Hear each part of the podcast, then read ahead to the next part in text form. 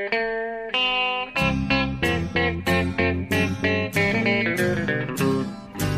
out there, we're on the air. It's hockey night tonight.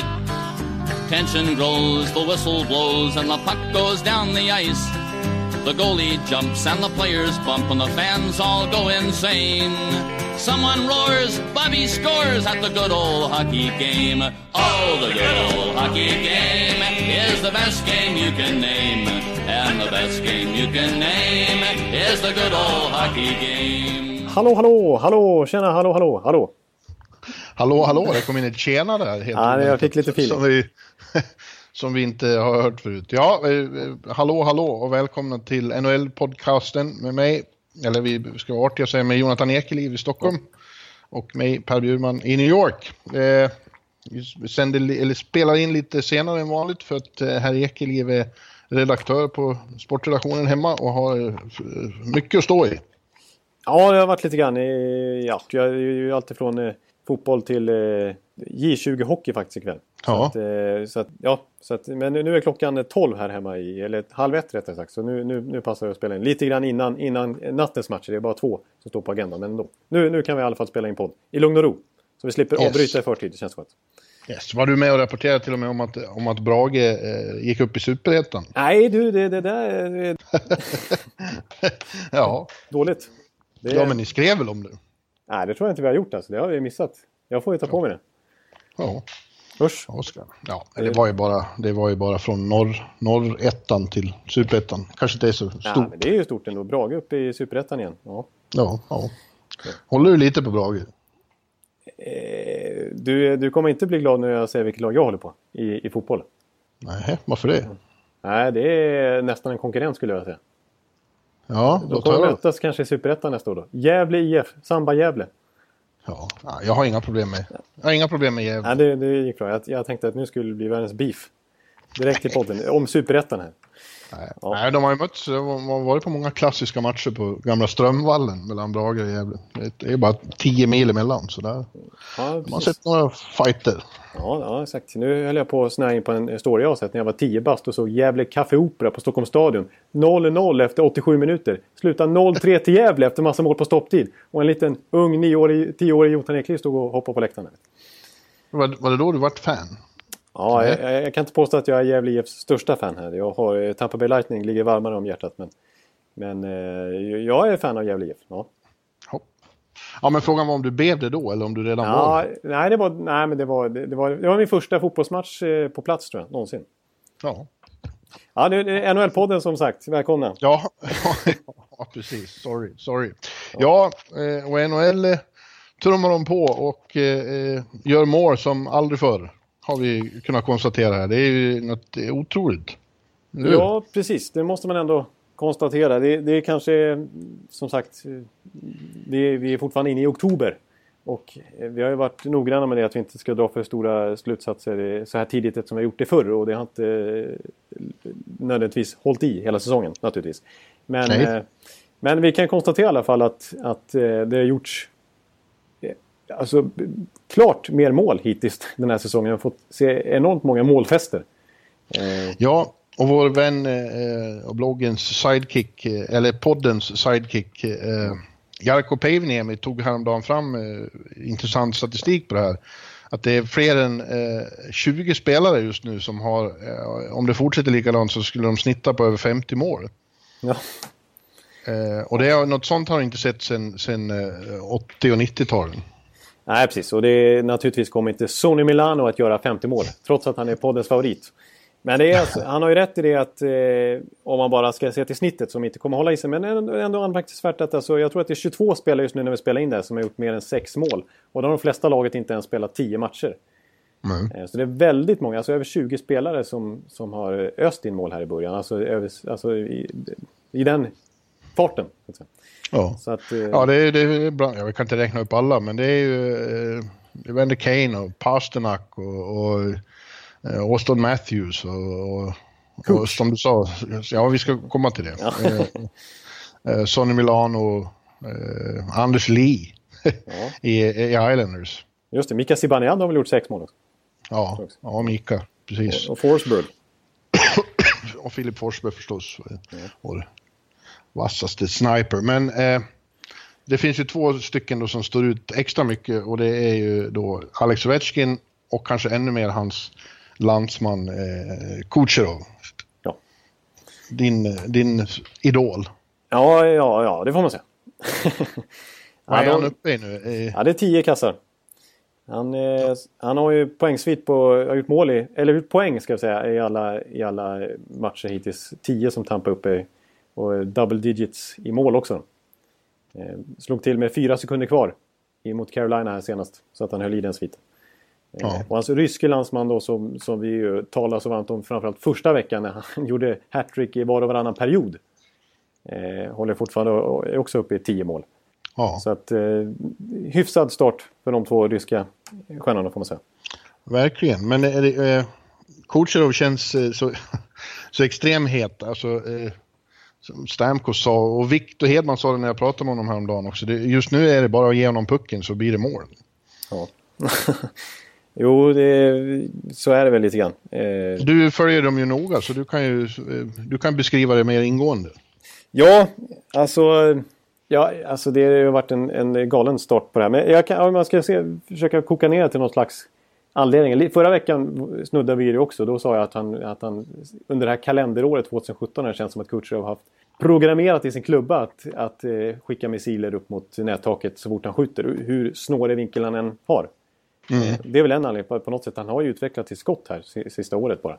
Eh, Men sen är det ju dels att Stamkos som kommer tillbaka så, som har helt plötsligt axlat manteln som Marty Saint-Louis, hans gamla radarpartner, och blivit framspelare istället för målskytt. Nu kan Stamkos göra mål också men han har insett att det är ju bara att ge pucken till så blir det mål.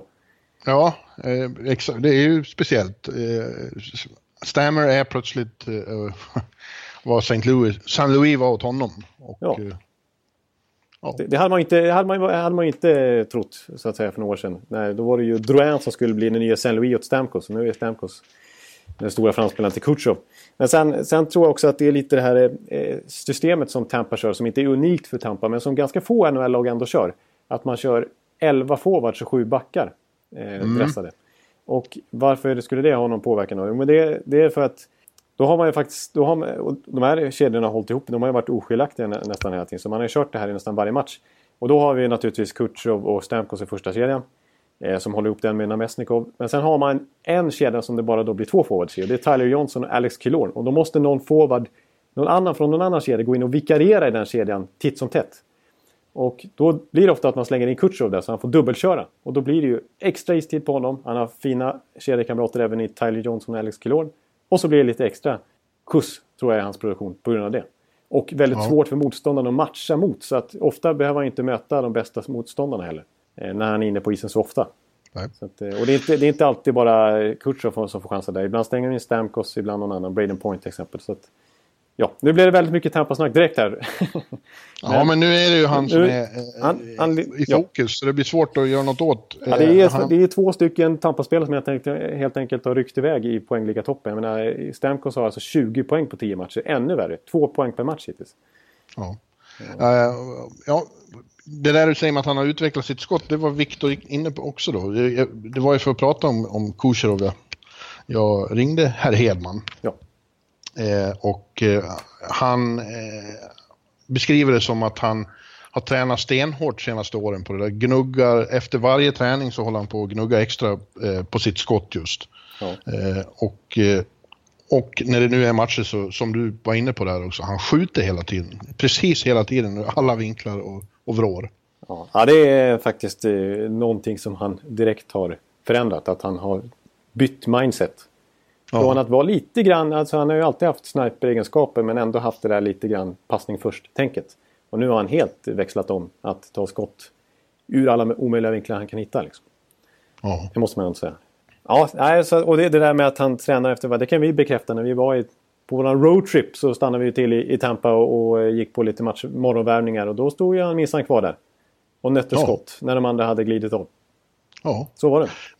ja och det, det var Vigge helt inne på att det, eh, betyder, det, det ger liksom resultat om man verkligen gnuggar så eh, målmedvetet och eh, frekvent.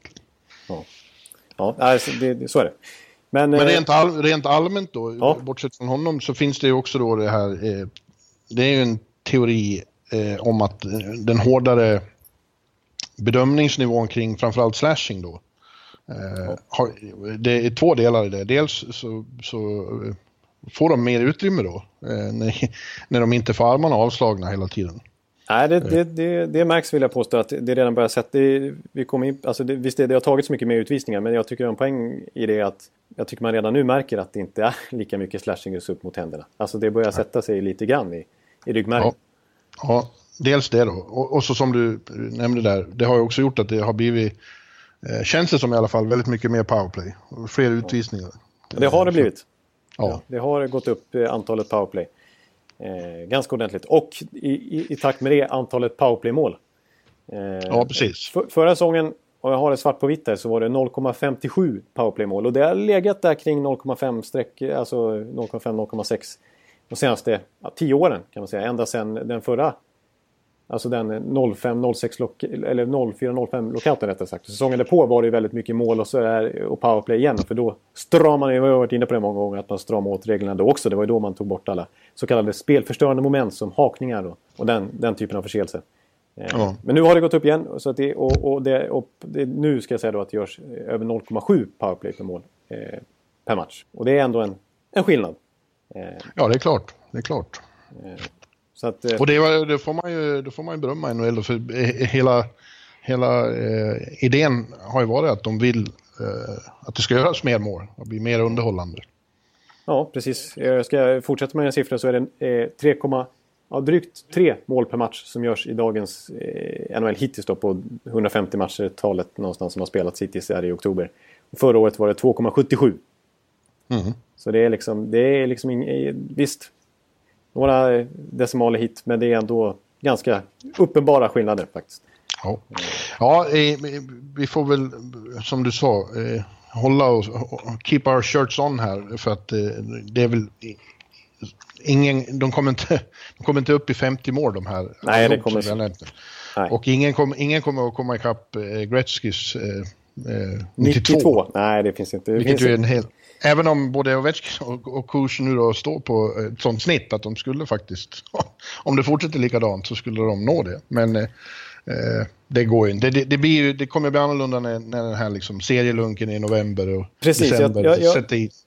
Utan att ha eh, siffror på just det så känns det som att det borde oftast vara lite mer eh, procentuellt sett fler mål i oktober jämfört med februari till exempel. Alltså varje säsong. Jag ja. tänker att just man ser att den här säsongen, det är inget unikt för i år, men jag tänker att så ser det väl ofta ut. Men just i år så, så, så tänker jag att men det hade varit många målvaktsbyten i NHL, alltså eh, många som har bytt inför säsongen, varit många coachbyten. Och så här i inledningen av säsongen så är det egentligen helt lätt att bara sätta ett försvarsspel och få en målvakt att komma in i grejen och lära sig hur backarna tänker. Så, så jag tror att det är därför många målvakter har haft lite problem här i början också. Och, och jag menar, vi kommer komma in på lag vars ja, taktiksystem inte riktigt sitter.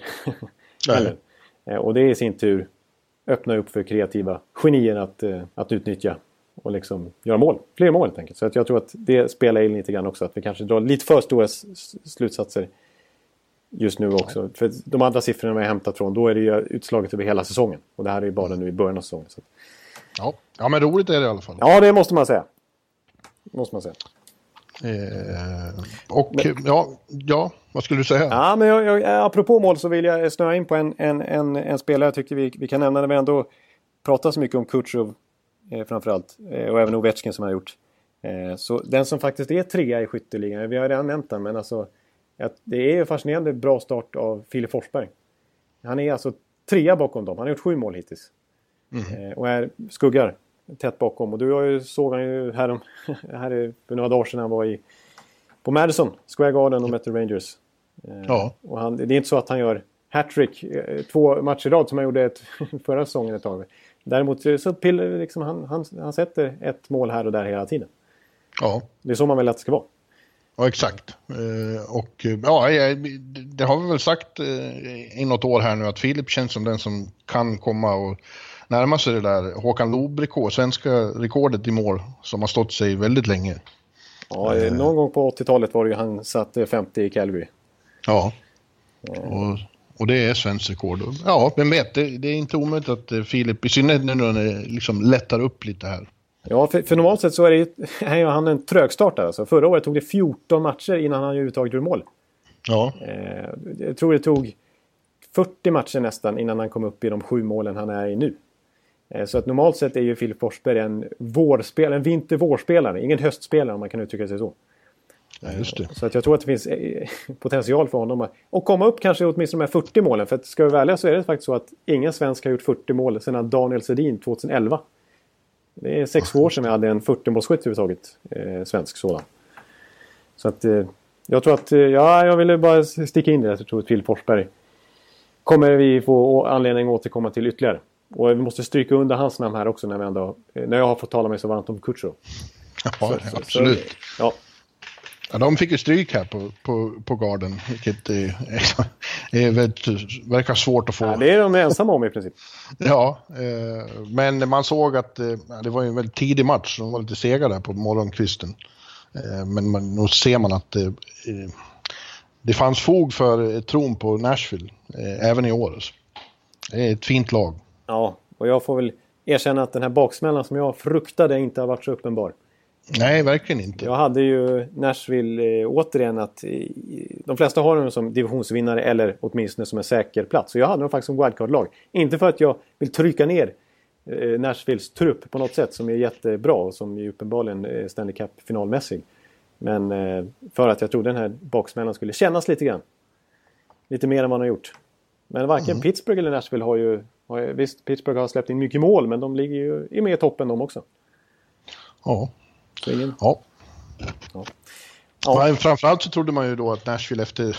Det var inte bara det att de spelade final, det var ju som liksom overklig fest i hela stan där i, i flera veckor i sträck. Ja. Och att vardagen skulle komma att te sig eh, väldigt grå och, och trist och att det skulle vara svårt att tända till. Men nej, eh, det har, de, det har de verkligen lyckats hantera, hittills i alla fall. Exakt, framförallt på, på, just på hemmaplan har de ju varit... De åkte ju på en strafftorsk mot Calgary här om natten, men annars har de ju varit obesegrade och spelat hur bra som helst och imponerat Mm. Där Bridgestone. Och det, ja, det, det trodde jag faktiskt inte. Jag trodde som du säger att den där gråa vardagen skulle bli tråk, för tråkig för dem. Efter det som du har alltså beskrivit som en av de största upplevelserna i USA i största allmänhet för dig.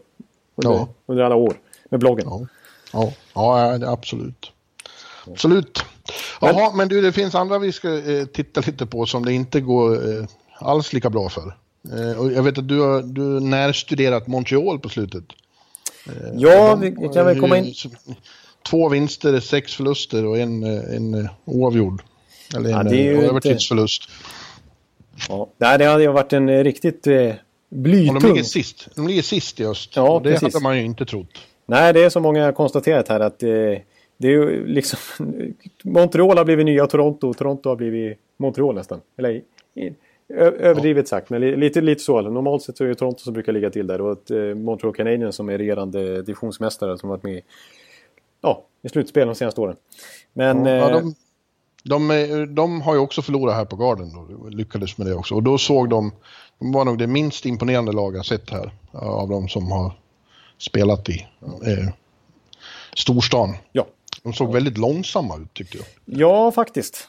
Jag håller med. Alltså det Ja, alltså jag, jag, tycker att, och det, det är det många som har gjort här nu och jag tycker det är fullt befogat att vem ska man peka på liksom? Varför, varför ser Montreal plötsligt så här tröga ut och har så ofantligt svårt att göra mål? Nu blev det fem mot Florida här om natten, en liten vändpunkt. Och vi ska säga det, jag tror att det kan bli en liten vändning för Montreal här när eh, nu när det blir lite hemmamatcher i Bell Center. Av de kommande 23 matcherna så är 16 på hemmaplan. Eh, och normalt sett så är ju eh, Montreal väldigt hemmastarka. Nu eh, förstärktes ju den här förlusttrenden av att de varit på bortasvit i bort, roadtrip i Kalifornien och åkte på dyngtorsk hela tiden. Mm. Eh, så att jag tror att, att Montreal kommer lyfta lite, alltså det kommer se ut så här dåligt. För att, ja, men det, jag skulle säga, det jag framförallt vill peka på det är ju Mark Bergevin, alltså general manager. Eh, för Alltså hans... Han, du brukar han, hylla honom. Ja, alltså en gång i tiden så hyllade jag honom.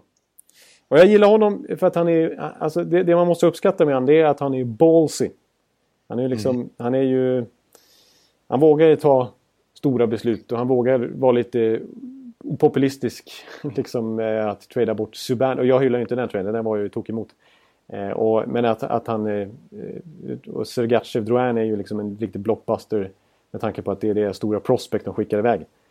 Mm. Eh, och han gör ju lite moves hela tiden men på senaste året, senaste året har han en riktigt dålig track record.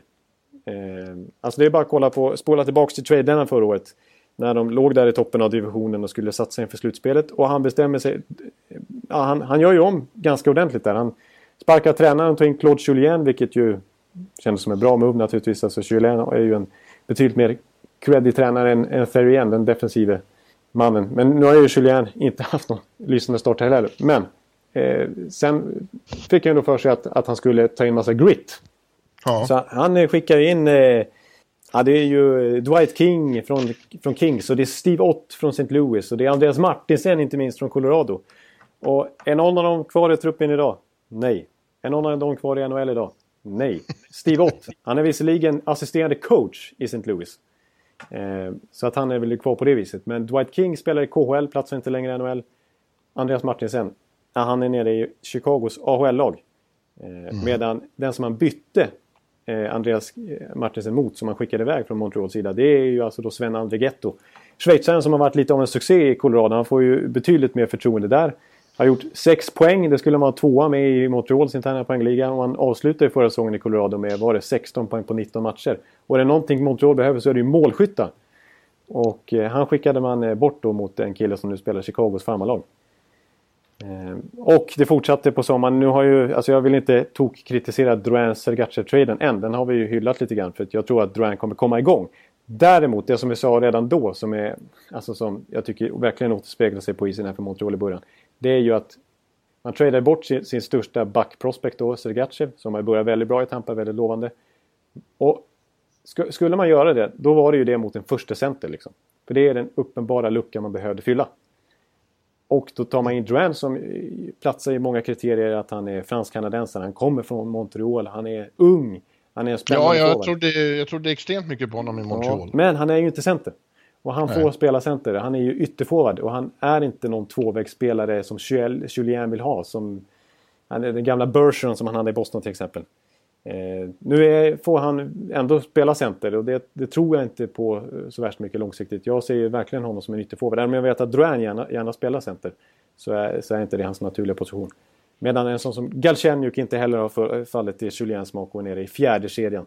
Som ytterforward också. Han som också har fått testa som center i första kedjan. Så Ja. Det... ja, jag trodde ju Drouin skulle liksom vara den pusselbyten som, som eh, förlöste målskyttet uppe där, men eh, det verkar inte Nej, alls. Och jag, alltså jag, när man tittar liksom på truppen där i somras också så, så kändes det väldigt spännande när de rivstartade med den traden. Men sen blev det inte så mycket mer. De tappade ju Radulov och då blev det egentligen en ersättning, alltså på kortsiktigt. Nu kanske Drouin har högre ceiling än Radulov, men det blev ju liksom ett plus minus noll där eh, på kort sikt känner jag. Eh, mm. och och så som sagt det här med centergrejen. Liksom. Jag, jag, jag, tycker nästan snarare att det blev en försämring då. Om man ser det på det viset. Så, så eh, ja, jag tycker faktiskt att eh, bör, alltså, det, det, går inte att sparka en general manager mitt i säsong. Så, så Bergevin får ju fortsätta året ut. Men är det någon som ska offras efter, om det fortsätter se ut så här, då är det ju Bergevin. Som inte har byggt på lång sikt heller, utan hans moves som han har gjort har ju alla varit för att bli bättre nu. Och Mm. Effekten har varit direkt det motsatta och det är ju general managers ansvar. Eh, så att, men sen, och Julien, där vill jag ändå lägga till att det är lite samma fenomen som vi såg sista året i Boston. Att det är bra underliggande siffror på det viset att de skjuter ju väldigt mycket, det, detta Montreal. Skjuter ju extremt mycket.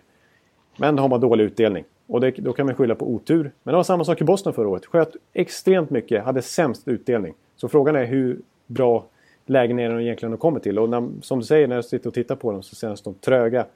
Mm. De kommer till väldigt få riktigt farliga målchanser. Eh, så att... Ja, du skyller på Bird, men det är ju inte...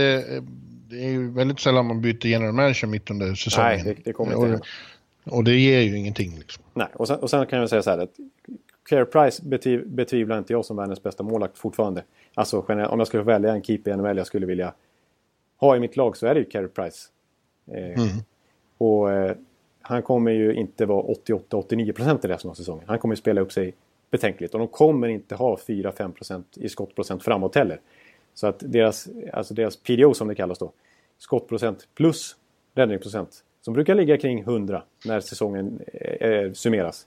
Ligger alltså på kring 93 tror jag den ligger på för Montreal just nu. Det är extremt lågt. Så att det tyder, antyder ju att det kommer studsa Montreals väg lite grann. Och det tyckte jag att det gjorde lite i den här Florida-matchen som jag såg. Och där jag tyckte att Florida var bättre långt in i matchen. Alltså långt in i andra perioden så var jag betydligt, så kändes det som att Montreal har verkligen kört fast. Sen började det liksom studsa med Montreal lite grann. Och Pacioretty fick göra mål igen. Han har ju bara gjort en poäng på de första 8-9 matcherna.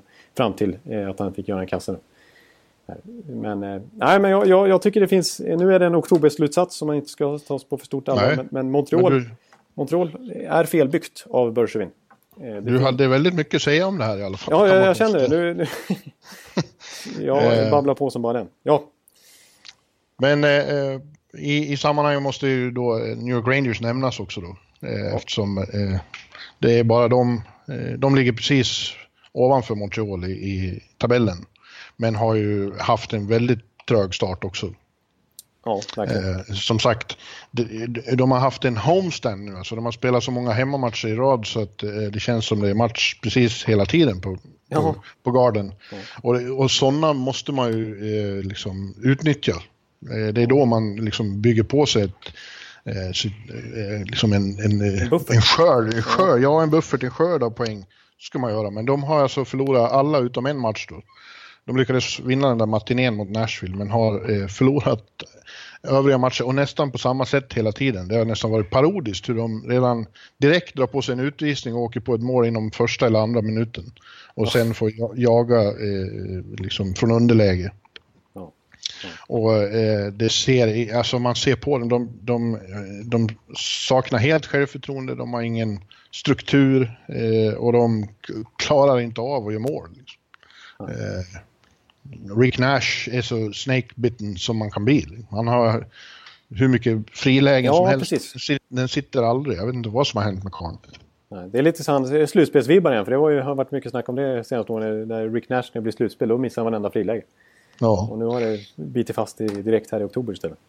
Ja. Och, och, Henke har inte haft någon särskilt lyckad start heller. Han har varit väldigt bra under perioder i, i matcherna. Och håller dem kvar liksom, i matcherna. Men andra gånger som nu senast mot, mot San Jose här då, i, ja. i måndags. Då var det inte bra. Då släppte han några puckar som han, som det var han ju väldigt uh, tydlig med själv efteråt att sådär, bättre än så måste jag vara. Ja. Som när Team Hed fick in sitt, eh, sitt karriärens första mål. Ja, exakt. Det var ju en, eh, en så kallad dålig vinkel som vi varit inne på tidigare. där, där, där Lundqvist, jag är vana att se Lundqvist stänga igen och nu slinker de där puckarna in. Eh, och det är ju bara att konstatera att det är lite problematiskt för, för Rangers. Det har ju varit en klyscha i, under hela hans era i Rangers. Att de är beroende av honom. Oh. Och att han är liksom ska Lundqvist ha framgång, ja, måste, eller ska Rangers ha framgång, då måste Lundqvist vara lika bra som han alltid har varit. Men de senaste åren har det ju vi sett en liten nedgång och nu i Förra året var det första gången han var bänkare, kommer jag ihåg det. Vi var lite krisrubriker där när, när han inte mm. fick, när Antiranta tog över fyra raka matcher. Eh, och nu har det börjat lite svajigt igen. Eh, ja, problemet för dem är ju att förra året, som du säger, så hade de Antiranta som ja. de lit, litade väldigt mycket på. Det känns inte som de litar på Andrei Pavel Ja, hur säger man hans namn? Jag har fortfarande inte. Nej, Pavlek. Pavlek. Ja, det är oklart om det ska vara Pavelets eller Pavlek. Ja, ja, ja han i alla fall. Ja, Andrei. Uttalspodden ska inte uttala sig om detta. Nej. Tyvärr har vi inte eh, dem. Och han, eh, han har bara stått en match och det, så, det imponerade väl inte så mycket nej. nej. Och det känns, man har redan, man liksom får de vibbarna av dem också att de, de sätter ingen större tillit till honom. Nej, Nej precis. Annars skulle han ju ha stått fler matcher. Alltså det är en match när vi ändå kommit eh, en liten bit in i säsongen är ju väldigt lite. Det är många andra backup-målvakter som har fått fler chanser än så. Eh, så att, eh, ja. Och jag var inne lite grann förra veckan på, på matchupsen. Det har inte hänt någonting där heller. Vigneault är fortfarande extremt ifrågasatt bland fansen. Det är ju ett understatement. Ja. Och eh, hans sätt att matcha laget är ju fruktansvärt eh, ifrågasatt. Eh, han eh, håller Jag fast tror han är den mest, mest eh, illa omtyckta coachen av alla just nu i, i egna fanleden. Ja, alltså han är, det, Men... det, det är brutalt nästan. Ja. Eh, så att där, eh, och där är ju problemet att det är inte så länge sedan de förlängde med honom. Liksom. Så att eh, det är ju ett litet underkännande av sig själv för Gortons del. Eh, som ju verkar ha en annan hockeyfilosofi med tanke på det mat- spelarmaterial han plockar in till Vigneault. Ja. ja, det där har vi varit inne på Ja, så många precis. gånger. Så Eh, att, Chattenkirk och nu D'Angelo har då skickats ner till farmarligan. Exakt, och det är bara det liksom signalerar ju någonting när, när, när eh, D'Angelo är, är en stor piece i Derek Stepan-traden. Och så får han några matcher med Vigneault innan han skickas ner till AHL. Ja. Liksom, man visste ju ändå vad man fick. D'Angelo har ju ändå gjort ett par år som liksom depth, defenseman i NHL. Och varit runt i några klubbar. Så att, Ja, han, tycker, han, han tycker bättre om Nick Holden. ja, Det- Men då är ju, det är ju liksom... eh, Det är Gorton är ju in- inblandad i sådana beslut också. Det är inte Vigneault som skickar ner honom till Hartford, de Nej, gör det nej, ju nej. tillsammans. precis. Ja, det, det känns... Eh, ja, det, Ja, det blir ju intressant att se imorgon då, för då blir det en riktig jumbomatch. Eh, För då kommer just Arizona. Just det. Eh, Då är det Derek Steppan och, och Antti Ranta och andra för detta Rangers-spelare. Och båda lagen, ja, för Arizona är det ännu värre, de har inte vunnit en enda matchen. Nej, exakt. Alltså, vi satt och pratade om dem förra veckan också. De har ju fortfarande... De står på noll segrar. Ja, Helt efter nio matcher, åtta förluster, en övertidsförlust. Ja. Så har, de har en poäng. Ja, det är ju... Det är inte så bra. Nej, det är inte bra. Det är inte bra. Det var vi ju... Det, alltså, det är ju liksom... Det är ju... Ja, om jag ska säga någonting positivt återigen där med, med Arizona i alla fall. Jag var inne på det förra veckan också. Men jag är bara konstaterat att Clayton Keller är ju bra. Leder rookie-poängligan. Ja, ja, jag du får, för. ja, du hade rätt om honom. Ja, Men eh, han liksom halka så långt efter direkt, det, ja, Nej, det det är som att oktober men, men, men det blir ju enormt tungt. det blir en eh, tung säsong i Arizona igen känns det som. Eh, ekonomin kommer inte eh, lyftas nu av att eh, läktarna börjar tunnas ut på folk igen. När, Nej. när de får se sån här hockey liksom. Men För Rangers och sådana, de har liksom trots allt, det är bara fyra poäng upp till strecket. Eh, Men Arizona har redan nio poäng upp. Ja, precis. Ja, Det är väl det som talar lite grann för, för Rangers att det kan börja vända. Att, att uppförsbacken i tabellen liksom inte är så, så djup. är så brant ska man säga. Då. Eh, för det, det, det kan ju börja kännas lite bättre i skallarna när man märker att man kanske klättrar lite grann. Eh, och att avståndet i alla fall inte är så långt. Liksom, om man kan få en seger med sig. Ready to pop the question? The jewelers at BlueNile.com have got sparkle down to a science with beautiful lab grown diamonds worthy of your most brilliant moments. Their lab grown diamonds are independently graded and guaranteed identical to natural diamonds, and they're ready to ship to your door. Go to BlueNile.com and use promo code LISTEN to get $50 off your purchase of $500 or more. That's code LISTEN at BlueNile.com for $50 off. BlueNile.com code LISTEN. Men eh, ett, ett annat lag jag, jag, vill nämna som eh, vi likt Arizona hade lite förhoppningar på inför säsongen. Som jag inte tyckte har sett bra ut här i början. Det är Buffalo Sabres. Ja, Eh, men det var vä- väldigt mycket fokus på dem som inte är bra nu. Nej, precis. Eh, Tråkig podd. ja, precis. Väldigt, precis. Vi bara, vi bara neggar, neggar ner oss här. Men vi började ju med att Ja. konstatera att det var roligt med alla mål. Ja, Så nu har vi ja. verkligen eh, köttat igång här. Men, eh, men eh, ja, nu, nu, Sabres, vi kan ju till Sabres-fansens glädje i alla fall konstatera att de har vunnit två raka matcher nu att spela in här. En stark vändning borta mot Buffalo. De låg under med 1-4 och vann med 5-4 efter förlängning. Eh, och sen höll de faktiskt nollan mot eh, Detroit. 1-0. Robin Lehner. Eh, målvakt i båda de matcherna. Eh, nu spelar han faktiskt här snart eh, kort efter att vi har spelat in. Eh, Ja, vi har två, ma- två matcher ikväll. Jag är lite sugen på att titta på den ja. Ja. Columbus, Buffalo och så är det St. Louis, Calgary. Men jag tror att det blir lite fokus på, på Columbus. Ja, roligt lag som vi också har hyllat här i inledningen.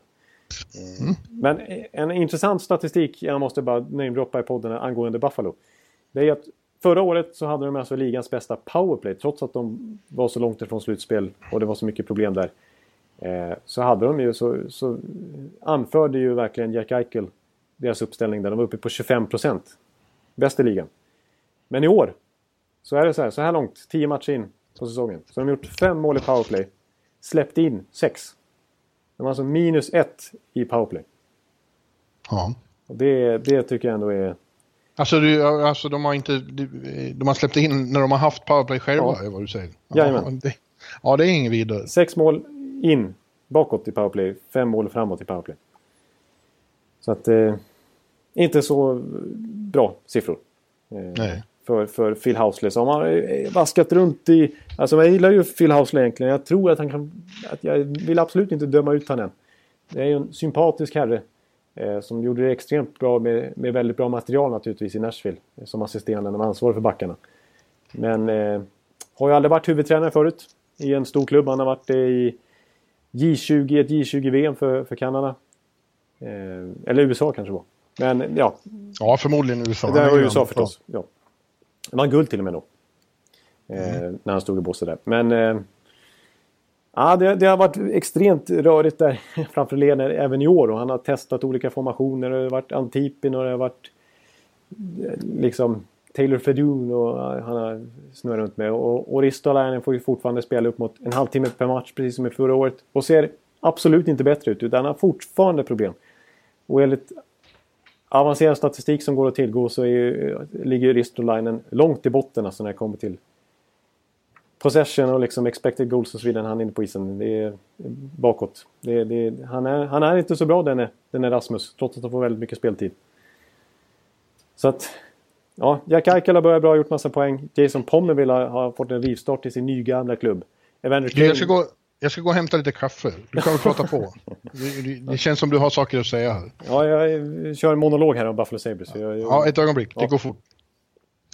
Ja, men Evander Kane var vi inne på i början av podden. Sex mål han också, eller om det är sju till och med på han.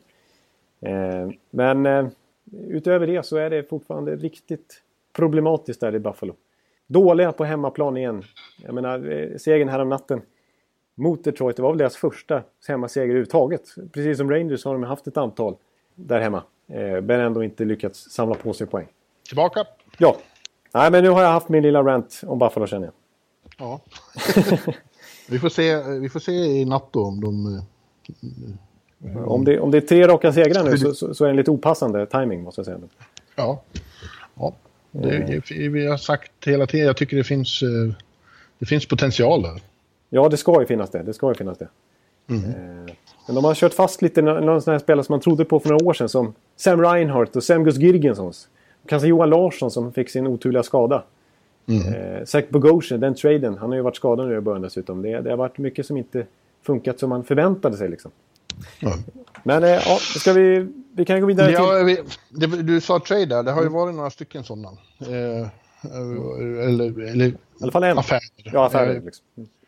Anti, Antiniemi, eh, Eh, det vart en kort eh, sejour i Pittsburgh för hans del. Efter bara här några veckor så satte de upp honom på waivers och vi trodde väl att eh, han skulle hamna i AHL och att det liksom skulle vara lite över alltihopa. Men eh, det eh, gick väl Florida och tog honom. Ja. ja, det var lite överraskande. Men det var ju lite panikdrag där när Roberto Longo bröt tummen eller vad han gjorde. Han fick ju en handskada i alla fall. Eh, och då tar de upp Niemi som eh, nu har ju... Pittsburgh räckte ju med knappt tre matcher för att de skulle vara anti-Niemi. Där kom den. Där kom den. Där kom det ja. Men eh, han, han eh, hade ju ingen, ingen rolig session där. Det var ju först den där 10-0 matchen uppe i, i Chicago när han bara fick nio minuter innan han blev utbytt. Och sen var det en till stökig match och sen så var det ju eh, 0-6 i baken mot Tampa efter en period och 5-6 minuter ungefär. ja. Eh, 16 mål på mindre än tre matcher då. I, för, för hans del. Och han har ju faktiskt inte varit... Han, hans räddningsprocent har aldrig... De senaste fem säsongerna så han har varit under medel i NHL i räddningsprocent under alla de fem åren. Så det var ju länge sedan den där finske veteran var... Eh, så hans status lever ju fortfarande på sin, sin kupp som han tog. Han har ju sitt, sitt namn ingraverat trots allt på Stanley Cup-bucklan med Chicago. Ja, han var väldigt bra då 2010 när de vann Stanley Cup-finalen. ja, och han var väl okej i några år i San Jose. Ja, Men ja sen- absolut. Han, han var ju, spelade OS 2014 om jag inte misstar mig. Det var han och Rask som var Finlands eh, målvaktspar. Ja. Och Rinne måste ju ha varit i en, trojk, en trio där, men det var inte helt lätt att, att klängra sig in där. Nej, men han var i alla fall en av de tre. De har ju haft väldigt mycket bra målvakter i Finland. Ja. Ja. Nej, men, eh, men nu känns, jag trodde att det skulle vara att Tampa-matchen var det sista vi fick se av Antiniemi i NHL. Han mm. kändes lite uppgiven själv faktiskt. Eh, men eh, nu får han eh, testa i Florida istället. Jag har ju svårt att se att det ska hända någonting. Han har varit runt i några klubbar nu som sagt på senaste åren och det har aldrig lyft. Och Lehtonen kan vi lägga till där. Det, det gamla målvaktsparet i Dallas. Kari Lehtonen ligger också bottom 5 i, i räddningsprocenten mm. så här långt. Ja. Vi, vi, ja, sådär. Men Eh, en, annan, en annan trade vi kan nämna, alltså Detroit, de, eh, de åkte ju i den där Buffalo-matchen så blev det faktiskt deras femte raka förlust. Eh. Ja, det har, det har slutat gå bra. Det gick bra i början men nu har det, nu har det gått mer som de flesta hade trott att det skulle gå. Ja, jag ska ställa en fråga till dig, jag vet inte om du kan svara på den för jag kunde inte svara på den. Eh, ett ett eh, lyssnarmail jag fick faktiskt. Mm -hmm. som han, där, där frågan var liksom att han kollade på lite matcher i Little Caesars Arena på TV. Och konstaterat, och det har jag också faktiskt konstaterat, att i alla fall de senaste två, tre matcherna där så har det inte varit halvfullt, men inte så mycket folk. Det har absolut inte varit fullsatt. Man tycker ändå när de fått en rätt bra start på säsongen, de har en helt ny supermodern arena, den mest moderna i hela NHL. Och så är det ändå inte fullsatt så här i början. Vad, vad kan anledningen vara? Ja, eh, att, eh, att, de inte, att de inte är bättre, antar jag. Det är väl det. Ja, man tycker det, det, är downtown och det är fantastiskt. Ja. Det är liksom... Ja, det är en drömarena. Eh, så den borde liksom dra publik bara själva arenan. Men... Och nästan oavsett attraktion inuti den så, så, så, så liksom, bara själva arenan är en upplevelse. Ja, men det är ju inte gratis att, gå på hockey. Liksom. Eh, så är produkten inte liksom riktigt vad folk vill ha, då, då blir det väl så. Ja, och sen har jag varit inne på det, Detroit är väl kanske inte den mest välbärgade staden heller. Nej, men det håller på att bli bättre. Ja. Det håller på att bli bättre. Men, eh, och det, det är väl så, på tv ser man också eh, framförallt liksom eh, de dyraste platserna, etagerna ja. längst närmast isen. Och, och, det var ju faktiskt så de sista åren i, i Joe Louis Arena också, att det var ofta ganska eh, stora luckor där. Ja, ja det, det, kan jag hålla med det, det, det, finns, det fenomenet finns lite överallt tycker jag. Och det, när jag var i Montreal för några år sedan där, så, så, tänkte jag på det också. Att, att ned, där är ju enormt intresse naturligtvis och alltid fullsatt oavsett. Men skulle man ha en biljett i nedre bowl, liksom, på nedre etage. Mm. Då, då, fick man ju slänga upp alltså 5-6 tusen. Ja, det, det är 500 dollar. Det har inte en normal människa liksom råd med. Inte i närheten. Eh, däremot, och det kostar fortfarande 1000 spänn, alltså 100 dollar att sitta högst upp. Så vi satt ju högst upp så vi kunde nudda taket. Den, den sista stolsraden i hela Eh, ja. arenan. Och då är det den största arenan i NHL. Så det var ju nästan kikarsikte på de platserna. Men och kostade ändå så mycket. Men där var det ju bra tryck. För där satt ju liksom folk som... Som... alltså... Rikt, riktiga fans, om man får uttrycka sig så. På nedre etage var det ju mest liksom företagsbiljetter och sådär. Ja, eh, ja men så är det. Eh, och uppe satt ju verkligen fansen och satt och skrek och svor på franska där. Ja, så har det alltid varit på Garden också. Liksom. De, eh, nosebleeds som de säger. Eh, det är där det är drag. Ja. Och det kanske är därför det blir lite extra, extra tydligt på tv-sändning. För där ser man ju oftast nedre etage. Det är mm. sällan vyer över hela arenan då. Eh, så det är nödvändigtvis inte alltid lika dåligt med folk uppe, högt upp på etagen som det är där långt ner faktiskt. Ska understrykas. Florida är samma sak. Florida Panthers. Där, där är det ofta dåligt med publik. Men alltså, i tv-sändningen ser det helt tomt ut på nedre etage. Ofta. Ja, ja. Samma anledning. Ja, men nu var det inte det. Det, det var en eh, trade där med Detroit. Det var ju eh, till slut... Eh, ja, vad heter han? Riley Sheehan. Ja, Sheehan. En av, en av de här som vi har pratat om i många år. Eller många, men i ett par år. Eh, inte har tagit nästa steg. Nej, som, som, eh, som ingick i den här eh, förhoppningen om en ny stomme. Ja. De gubbarna har vi nämnt flera gånger med Tatar och Nyqvist och Glenn Denning och, och gänget, eh, De Kaiser. Och, och där var, ingick ju i allra högsta grad Riley Sheehan som hade några fina säsonger i början av sin Detroit-karriär. Förra året, likt Detroit, katastrof. Eh, han gick ju alltså 79 matcher i rad utan att göra mål. Ja. Han slutade faktiskt på två till slut. Men eh, nej, en riktig superflopp var han ju då.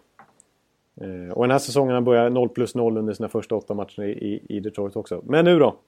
Han har alltså blivit tradad till Stanley Cup-mästarna istället. Till yes. Pittsburgh.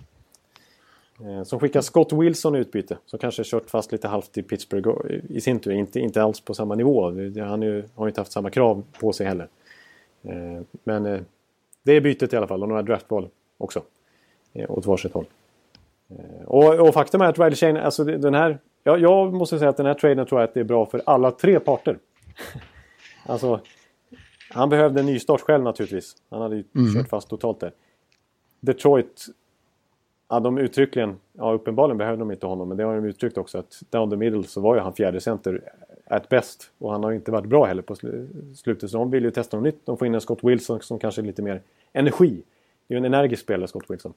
Medan då Pittsburgh i sin tur har ju, det har vi varit inne på ett tag, att de måste ha in en tredje center. För där är ju en uppenbar lucka gentemot Stanley Cup-truppen där Bonino fyllde den här rollen.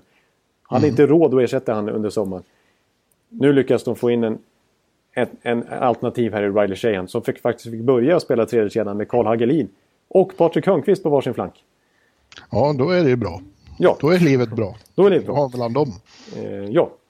Och eh, gjorde en assist här i första sin debut. De vann mot Edmonton på hemmaplan.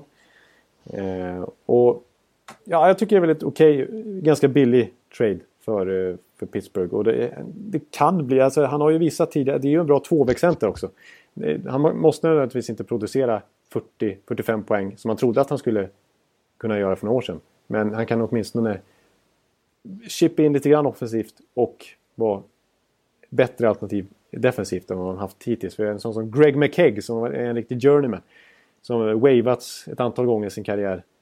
Har ju fått ha den rollen här i början av säsongen. Och det, det är ju inte 5 plus liksom. Det är inte Riley Shea heller. Ett fantastiskt namn. Ja. Craig Egg. Greg McKegg är ju... Det, det skulle nästan eh, motivera att, att ha honom i den rollen. Ja. Men, eh, ja. Men sen var det, innebar det ju också att eh, då Detroit fick lite mer space under lönetaket och till slut har nu signat AA som han kallas. Ja, exakt. Double A vill man nästan nöja sig med att säga. Jag ska försöka säga. Andreas Athanasiou. Ja. Ehm, ja, precis. Det har varit en, en superutdragen härva. Vi brukar ju ha ett par sådana eh, per säsong. Förra året var det ju nästan rekord med Kutjerov och det var Hampus Lindholm och det var Rickard Rakell och det var framförallt Jacob Troba. Ja. Eh, RFAce som väntade extremt länge och långt in på säsongen till och med. Ehm, men eh, Atanasio har varit ensam om det här. För en sån som David Pasternak skrev ju på innan campen till exempel. Men Atanasio vägrade ge sig. Han skulle ha sina 2 miljoner dollar hoppades han. Minst. Och skulle han skriva längre kontrakt då ville han ha ännu mer. Eh, så han åkte till och med till Schweiz. Och hotade ja, att skriva på för Lugano. Eh, om han inte fick ett rimligt erbjudande från Detroit. Och Detroit i sin tur hade ju... Om de inte gjorde den här traden med tjejen så hade de inte ens haft råd att ta in honom. För de hade ju inget löneutrymme. Eh, och nu blev det då till slut att de kunde skriva ett ettårskontrakt. Så det blev en ny förhandling nästa som, så, så tidigt som nästa sommar. Då. Men han fick alltså nöja sig med 1,3 miljoner dollar. Det var inte närheten av det, eh, det krav som han ställde från början som gjort att den här soppan har dragit ut på tiden så mycket. Men det bevisar lite grann det här med att RFAs har otroligt lite makt. Eh, de, alltså de, de måste ju inte skriva på för en klubb, de är ju kontraktslösa trots allt. Men de ägs ju fortfarande av sin NHL-klubb. Och väntar de längre än till första december, och då får de inte spela NHL på resten av säsongen. Då har de vaskat ett år kan man säga. Ja. Och, eh, och, och det är klubben som sitter på, på liksom alltså som, som har mycket större möjligheter att, att vinna en dragkamp. Liksom. Eh, ja. Och, och, det tycker jag, menar, förra året såg vi Choba fick nöja sig med 2 miljoner dollar till slut. Vi hade Hampus Lindholm som ville ha minst 6,5 miljoner, vilket många tyckte att han eh, var skäliga krav, men fick nöja sig med drygt 5 miljoner dollar. Vi såg Nikita Kutjov som nu är en av NHLs bästa spelare, fick nöja sig med 4,5 miljoner på ett treårskontrakt. En superbargain för Tampa. Alltså, ja. ja men det är, det är de här orifacen. Det är svårt alltså. Däremot... jag, blir, jag blir road av ditt engagemang. Ja, det är otroligt. Jag, jag känner att jag, jag pratar för mycket. Men, men eh, däremot så kan det vara positivt ibland. För nu blir det här, det blir som ett bridgekontrakt nu. Och det är nästan utraderat i NHL. Men ibland kan det vara bra. Vi såg PK Subban till exempel som också väntade in på säsongen en gång i tiden innan han skrev på. Vad hände sen? Jo, han blev dyra, bäst betalda backen i hela ligan med 9 miljoner dollar. Eh, något år senare han hade vunnit Norris Trophy dessutom. Så det var ju grymt för honom att ha ett bridgekontrakt istället för att skriva långt direkt. Samma sak med Ryan, Ryan Johansson då som, som väntade och, och skrev bridge-kontrakt och fick nu 8 miljoner i somras istället för ett 6 miljoner dollar per säsong långtidskontrakt från början till exempel. Ja, Double, tack. Double A får visa vad han går för nu. Det, Ja. det gäller att leva upp till det, att liksom, eh, skaffa sig förutsättningar för ett eh, större kontrakt nästa år. Exakt, och, och ska han kliva in i omklädningsrummet nu igen efter den här förhandlingen så är det lite krav på honom att trots att han kanske inte fick det feta kontraktet till slut så är det ändå liksom hans självbild har ju visat sig lite grann för lagkamraterna. Så de, Ja. de vill nog se att han, att han levererar nu. Liksom. Att, det, att det var värt att dra ut på tiden så länge. Eh, Ja. De, de fick ju plocka bort bilder på honom eh, och sånt där i omklädningsrummet. Eh, så, länge, så länge de inte hade skrivit kontrakt med honom. Så det var lite halvkontroversiellt ändå får man säga. Ja, man vet inte riktigt vad, vad liksom äldre spelare tycker om sånt här när unga killar kommer in och ställer den här sortens krav. Och liksom, så, så var det inte när de var unga. Nej, det där tycker jag också är en liten ny trend senaste åren. Och det är för att många unga spelare har fått stora kontrakt.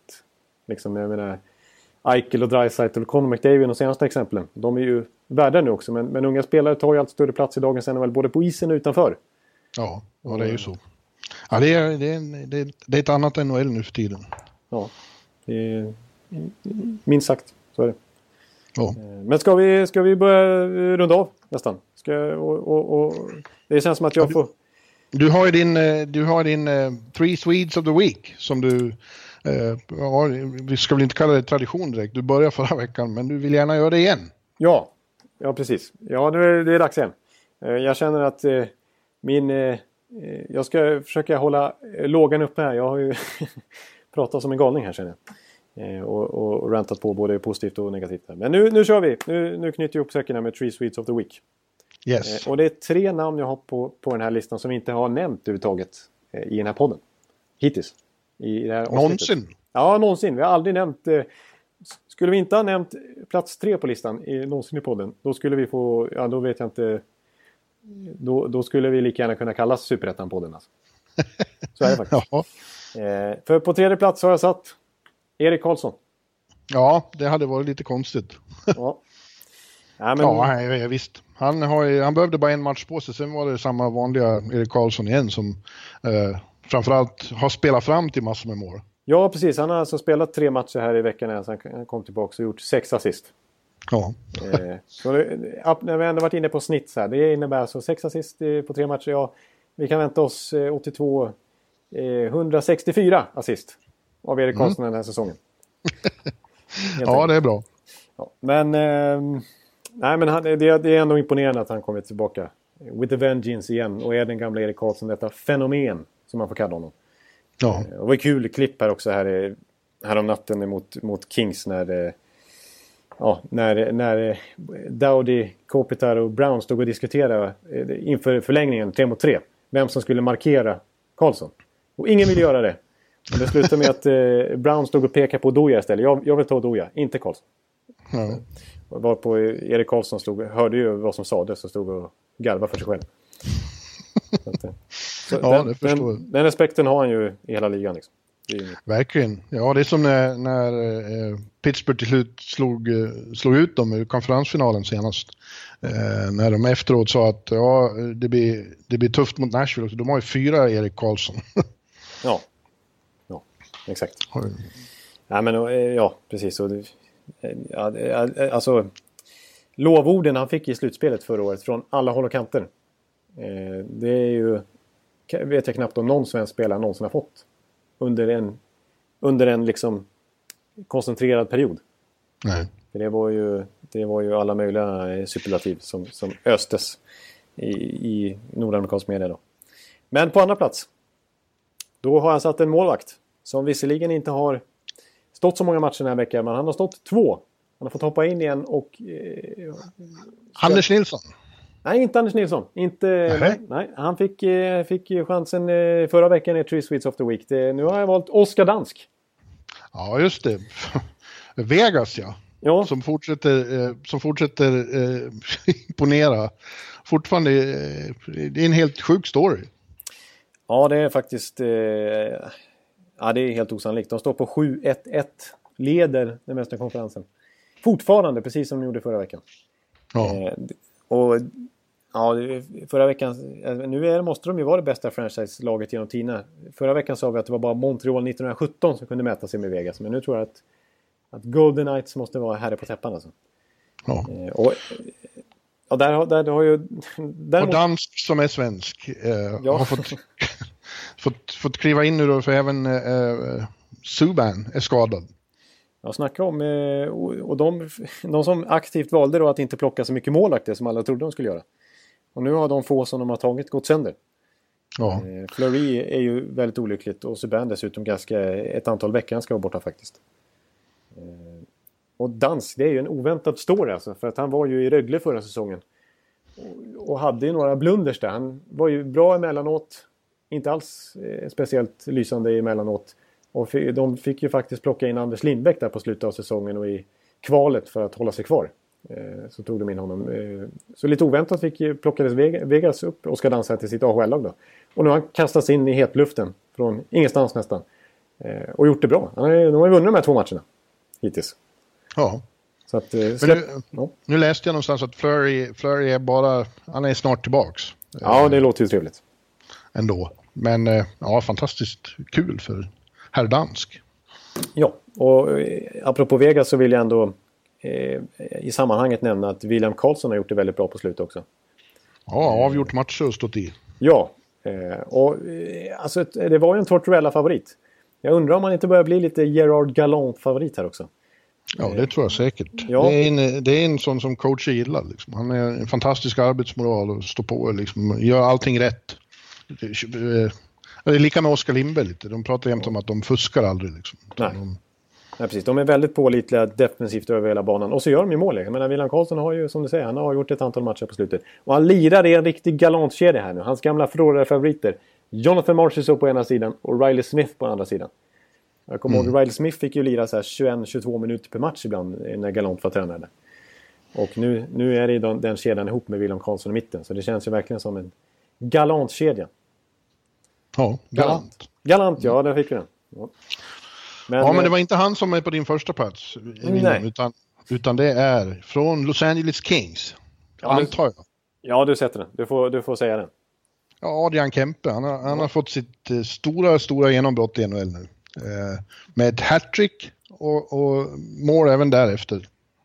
Ja, det har bara rullat på här på sista veckan. Det var en, ungefär en vecka sedan han gjorde det där hattricket. Ja, mot vilka var det? Jag har glömt bort redan vilka det var mot. Eh, Ja, det var ju faktiskt mot Montreal då. Det Ja, var just Carey det. Price, han, han, eller om det var Edmonton. Ja, det var i alla fall i Montreals hemska roadtrip där som, som Adrian Kempe utnyttjade. Men det, det har ju inte stannat där utan han har gjort mål även mot Toronto här nu när Kings i sin tur är på roadtrip och han gjorde mål här mot, mot Ottawa. Han kvitterade sent. Vi- Viktigt mål för Kings att rädda poäng. Och sen så, som inte det räckte så, så gjorde han en supersnygg straff. Och var med och avgjorde för Kings räkning. Där. Ja. Så att, eh, ja, det var otroligt roligt eh, att se ett sånt genombrott. Ja, precis. Och det är viktigt för Kings eh, att, att Adrian Kempe har visat sådana här tendenser. För att eh, vi har varit inne på förra veckan att, eh, att eh, veteranerna verkligen har kommit igång. Där Anse Kopitar ser ut att studsa tillbaka fint. Dustin Brown är det stora utropstecknet. Eh, och Dowdy på backsidan, Massen och så vidare. Men de behövde ju secondary scoring. Vilket de inte alls hade förra året.